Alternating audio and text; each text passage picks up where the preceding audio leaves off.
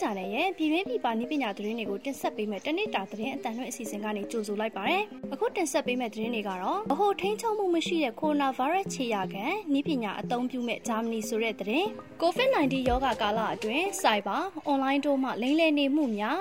မှုခင်းများကာကွယ်ရန်မြန်မာနိုင်ငံရဲတပ်ဖွဲ့ကအတိပေးကြေညာချက်ထုတ်ပြန်နေဆိုတဲ့တဲ့ Journalism in a Pandemic Covering COVID-19 Now and in the Future ခေါင်းစဉ်နဲ့အခမဲ့ online သင်တန်းဖွင့်လှစ်မယ်ဆိုတဲ့သတင်းတွေကိုတင်ဆက်ပေးသွားမှာပဲဖြစ်ပါတယ်။ပထမဆုံးသတင်းတစ်ပုဒ်အနေနဲ့ဗဟိုထိန်းချုပ်မှုမရှိတဲ့ကိုရိုနာဗိုင်းရပ်စ်ခြေရာခံဤပညာအသုံးပြုမဲ့ဂျာမနီဆိုတဲ့သတင်းကိုတင်ဆက်ပေးမှာပဲဖြစ်ပါတယ်။ဒါကိုရိုနာဗိုင်းရပ်စ်ခြေရာခံဖို့ဘလို့စမတ်ဖုန်းဤပညာအမျိုးအစားကိုအသုံးပြုမယ်ဆိုတာပြောလိုက်ပါတယ်။ Apple နဲ့ Google ထောက်ပံ့ထားတဲ့ဤပညာကိုအခြားဥရောပနိုင်ငံတွေနဲ့ဂျာမနီကထောက်ခံလိုက်တာပဲဖြစ်ပါတယ်။နိုင်ငံများစွာဟာကိုရိုနာဗိုင်းရပ်စ်ကူးစက်မှုနှုန်းအခြေအနေကိုသိရှိနိုင်ဖို့ app တွေအလင်းအမြန်ဖန်တီးနေကြပါတယ်။ယောဂလက္ခဏာမပြတာပဲကူးနိုင်တာကြောင့်ကူးစက်မှုနှုန်းကိုတက်သေးပြဖို့ခက်ခဲနေကြပါတယ်။ဂျာမနီအဓိပတိဝင်ကြီးနဲ့ကျန်းမာရေးဝင်ကြီးတို့ပူးတွဲထုတ်ပြန်တဲ့ကြေညာချက်မှာ Digital Content Tracing နည်းပညာကိုဗဟိုချုပ်ကင်မှုမရှိတဲ့ပုံစံအသုံးပြုသွားမယ်လို့ပြောထားပါတယ်။ခြေရာခံတဲ့အချက်အလက်တွေကိုကျန်းမာရေးအာဏာပိုင်တွေကပဲထိန်းချုပ်တဲ့နည်းလမ်းကိုရှောင်လွှဲနိုင်မှာပါ။ဥရောပမှာနိုင်ငံများစွာက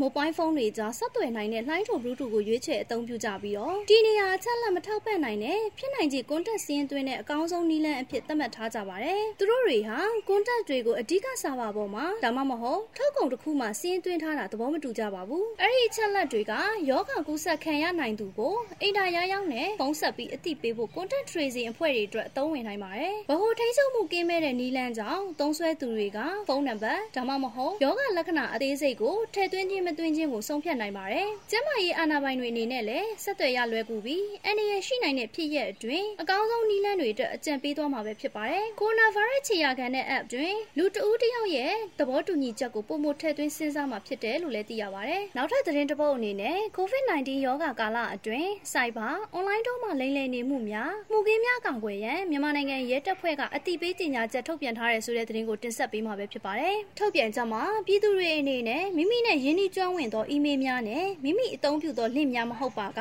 attach file များကိုဖွင့်ကြည့်ခြင်းမပြုရန်မိမိ email နဲ့ database များကိုပုံမှန်စစ်ဆေးခြင်း online offline အသုံးပြုပြီး backup လုပ်ထားရန်လုံခြုံမှုအပြည့်အဝရှိတဲ့ password ကိုအသုံးပြုရန် antivirus software နဲ့မိမိကွန်ပျူတာရှိ software များကို update ပြုလုပ်ရန် social media များရဲ့လုံခြုံရေးစနစ်ကိုခိုင်မာမှုရှိအောင်စီမံရန်မိမိနေအိမ်တွင်အသုံးပြုသော network အားလုံခြုံမှုစနစ်သေချာတက်ဆင်ရန်မိသားစုဝင်များအထူးသဖြင့်ကလေးတငယ်များအား online စနစ်လုံခြုံမှုနဲ့ပတ်သက်ပြီးပညာပေးပြောကြားရန်လူသွားလူလာပြတ်သည့်နေရာများလမ်းများတွင်လူရဲမှုကျူးလွန်ခြင်းများအိမ်တွင်းကြမ်းဖက်မှုများဖြစ်ပွားနိုင်သည်ကိုသတိပြုကြရန်တို့ပဲဖြစ်ပါတယ်ပြည်သူတွေအနေနဲ့ဒုစရိုက်သမားများကိုပြည်ပမှာတွေ့မြင်ရမှုနှဲပါသွားပြီး online နဲ့အိမ်တွင်းကျူးလွန်မှုများအဖြစ်သို့ပြောင်းလဲသွားခြင်း hosting ကြောင့် online game များပုံမှုအသုံးပြုလာကြရာ cyber ဒုစရိုက်များကဂိမ်းနီးလန်းသစ်များတီထွင်ထုတ်လုပ်၍ငွေကြေးလိမ်လည်မှုများကွန်ပျူတာထိခိုက်ပျက်စီးရေးရည်ရွယ်ပြီးမေးဝဲနဲ့ ransomware ကဲ့သို့သော virus များဖြင့်တိုက်ခိုက်လာခြင်းစီးရုံများရဲ့ internet နဲ့ချိတ်ဆက်မှုစနစ်များအရေးပေါ်လူနာခွဲစိတ်မှုများ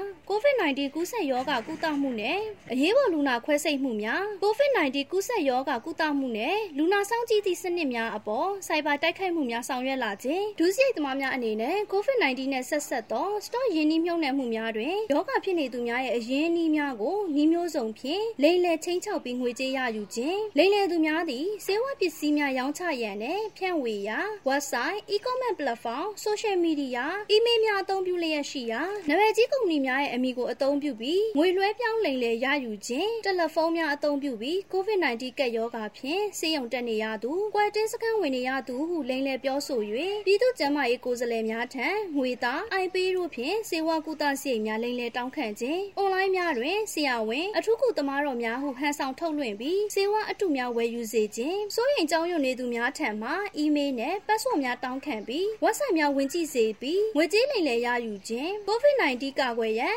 mask များနဲ့ PPE ဝတ်စုံများအယ်ကိုဟောဂျယ်များဝယ်ယူရန်အမိခံပြီးငွေကြေးများလိမ်လည်ခြင်းအွန်လိုင်းနဲ့ပြင်မလူမှုနယ်ပယ်တွင်ဆမ်မမီစေဝါနဲ့ပစ္စည်းများကုသရေးဆိုင်ရာပစ္စည်းအတုများရောင်းချခြင်းနဲ့ကြော်ညာခြင်းများများစွာဖြစ်ပွားနေပြီးမှုကင်းများရဲ့အဓိကနယ်ပယ်တစ်ခုဖြစ်လာခြင်းတရားမဝင်ကုန်ပစ္စည်းများနဲ့ဆမ်မမီစေဝါထုတ်လုပ်ရောင်းချမှုများကြောင့်ပြည်သူများရဲ့အသက်အန္တရာယ်အတွက်များစွာစိုးရိမ်ပွဲဖြစ်နေခြင်းအခြေအမြင့်မရှိသောအွန်လိုင်းဆက်သွယ်မှုများမှာလိမ်ပိုင်းဆိုင်ရာနှောက်ယှက်မှုများမှန်မှန်သတင်းများထုတ်လွှင့်ခြင်းချင်းချောက်ငွေတောင်းယူမှုများကျူးလွန်ခြင်းအွန်လိုင်း delivery ပို့ဆောင်သူများထံမှယောဂကူးစက်နိုင်သည့်အပြင်မိမိတည်ကျွမ်းမှုမရှိသော delivery များကအစားအသောက်များတွင်မူးဝေစေတဲ့ဆေးဝါးများထည့်သွင်း၍အိမ်တွင်းခိုးယူမှုလူရမှုများကျူးလွန်ခြင်းများကိုကြုံတွေ့နိုင်ရကြောင်းထုတ်ပြန်ချက်မှာအသိပေးထားပါတယ်။ COVID-19 ကာလအတွင်းအရေးအကြောင်းတစုံတရာရှိပါကလုံခြုံရေးတာဝန်ထမ်းဆောင်လျက်ရှိတဲ့မြန်မာနိုင်ငံရဲတပ်ဖွဲ့ဝင်များနဲ့လှည့်ကင်းများအုပ်ချုပ်ရေးအဖွဲ့အစည်းများနဲ့တာဝန်ရှိသူများနယ်မြေလိုက်အရေးပေါ်ဆက်သွယ်အကြောင်းကြားနိုင်တဲ့နီးစပ်ရာရဲစခန်းဖုန်းနံပါတ်များသို့ဆက်သွယ်အကြောင်းကြားကြရန်ကိုလည်းအသိပေးနှိုးဆော်ထားပါတယ်။နောက်ဆုံးသတင်းတစ်ပုဒ်အနေနဲ့ Journalism in a Pandemic Covering COVID-19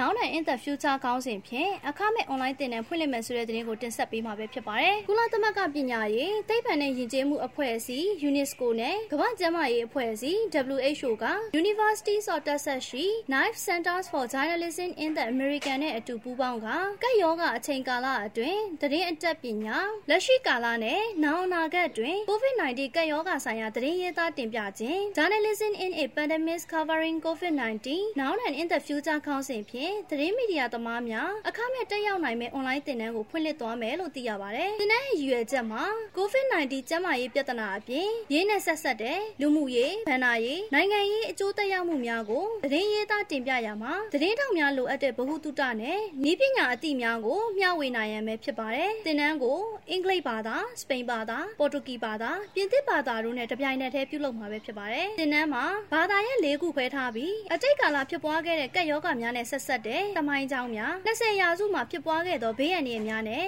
အဆိုပါကိစ္စရပ်များကိုအစိုးရများမိကဲသို့တုံ့ပြန်ဖြေရှင်းခဲ့သည်ကိုအဓိကထားပို့ချမှာဖြစ်ပြီး2020ပြည့်နှစ်မှာဖြစ်ပွားခဲ့တဲ့ကပ်ရောဂါအကြောင်းနဲ့လွတ်လပ်စွာထုတ်ဖော်ပြောဆိုခွင့်ရရှိအောင်ရှေ့ဆက်ဆောင်ရွက်ရခြင်းရဲ့အခြေခံအရေးပါပုံများကပ်ရောဂါနဲ့ပတ်သက်ပြီးပေါ်ပေါက်လာသောလုံခြံသတင်းနဲ့သတင်းအမှားများကိုနောက်ရောက်ခံခြင်းတံပြန်ခြင်းများစတာတွေကိုစမ်းစစ်လေ့လာစီမှာပဲဖြစ်ပါတယ်။နောက်ဆုံးဘာသာရပ်မှာသတင်းရယူခြင်းကိုရှေ့ဆက်ဆောင်ရွက်နိုင်ရန်သတင်းများရဲ့ရှုထောင့်ကိုသုံးသပ်ခြင်းများပြုလုပ်မှာဖြစ်ပြီးကပ်ရောဂါဖြစ်ပွားမှုကိုသတင်းရယူရမှာသတင်းတောက်များမိမိကိုယ်ကိုဂရုစိုက်ခြင်းရဲ့အရေးပါပုံကိုလည်းဆွေးနွေးသွားမယ့်အပြင်ဘာသာရပ်တစ်ခုချင်းစီမှာသင်ခန်းစာနဲ့လက်ရောညီထွေဖြစ်စေရန်အခန်းဆက်ဗီဒီယိုများ PowerPoint များတင်ပြခြင်းများဖတ်ရှုစရာများညံစမ်းမေးခွန်းများနဲ့ဆွေးနွေးခြင်းစတဲ့သင်ခန်းစာတွေပါဝင်မှာပဲဖြစ်ပါတယ်။သင်တန်းကာလအနေနဲ့လေးပတ်ကြာမြင့်မှာဖြစ်တယ်လို့သိရပါတယ်။အဆိုပါအခမဲ့ online သင်တန်းကိုမေလ၄ရက်မှာတရားဝင်စတင်ဖွင့်လှစ်မှာဖြစ်ပြီး journalism.org/pano320.html မှာစာရင်းပေးသွင်းတက်ရောက်နိုင်မှာပဲဖြစ်ပါတယ်။အခုတင်ဆက်ပေးသွားတဲ့သတင်းတွေကနိုင်ငံတကာနဲ့ပြည်တွင်းမှာရရှိထားတဲ့နည်းပညာသတင်းတွေကိုအင်တာနက်ဂျာနယ်ကနေတင်ဆက်လိုက်တာပဲဖြစ်ပါတယ်။အခုလို COVID-19 ဖြစ်ပေါ်နေတဲ့ကာလမှာပြည်သက်တွေအနေနဲ့လည်းကျန်းမာရေးနဲ့အာကစားဝင်ကြီးဌာနရဲ့လမ်းညွှန်မှုတွေနဲ့အညီလိုင်းနာဆောင်ရွက်ခါနေထိုင်သွားလာဖို့တိုက်တွန်းလိုက်ပါတယ်။ကျွန်မကတော့ဝူဝီမြင့်မို့ပါ။